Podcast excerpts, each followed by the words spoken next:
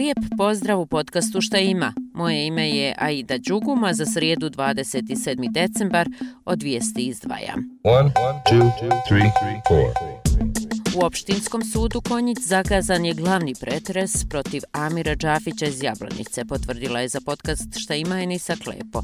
Kantonalno tužilaštvo iz Mostara tereti Amira Džafića da je 1. augusta ove godine u svom hotelu pretukao Enisu Klepo i nanio je teške tjelesne ozljede.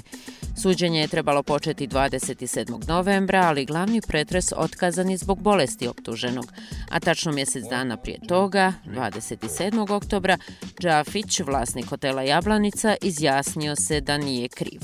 Kako se u optužnici navodi, Klepo je te noći s direktoricom hotela, inače Amirovom suprugom, imala verbalnu prepirku oko isplate plaća, davanja otkaza i drugih problema na poslu.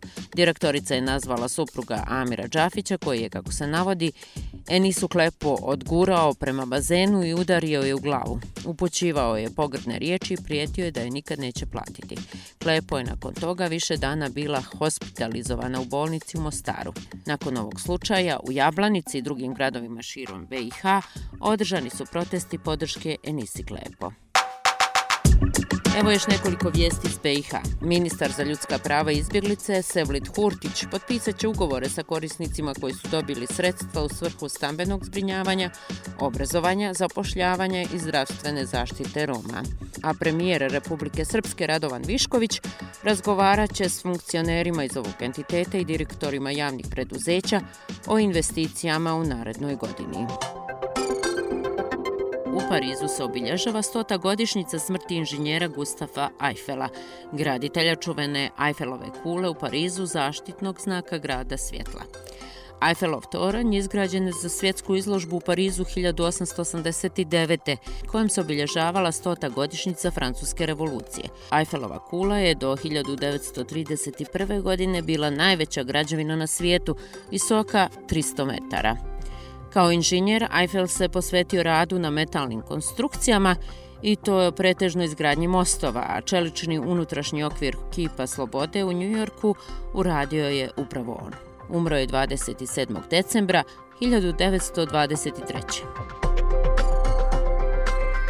A u Mostaru možete prisustvovati scenskom čitanju Ivice i Marice, poznate priče Braće Grim. Na premijeri mališani mogu zaroniti u svijet bajke Ivica i Marica. Velika slikovnica će živjeti na sceni, a uz saradnju sa školom gitare Galeb iz Jablanice, program će biti dodatno obogaćen dječjim muzičkim numerama. Bajkovita noć Grimove bajke je inovativni projekat autora Sabahudina Dine Gluhovića, profesionalnog glumca iz Lutkarskog kazališta u Mostaru i dugogodišnjeg člana i glumca Mostarskog teatra mladih. Ulaz je besplatan jer je to ujedno i dio Advent Mostar priče a besplatan je ulaz i u Sarajevskim kinima. Sarajevo grad filma UNESCO, a i ove godine organizuje Noć kina, manifestaciju koja će treći put za redom besplatno otvoriti vrata kina u Sarajevu. Noć kina održava se danas od 17 sati pa do ponoći.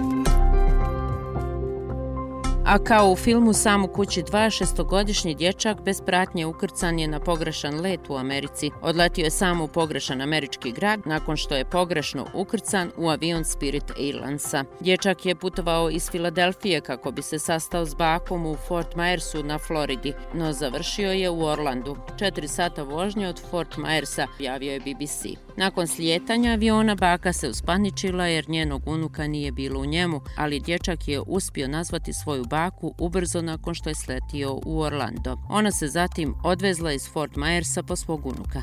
Spirit Airlines se izvinuo zbog greške.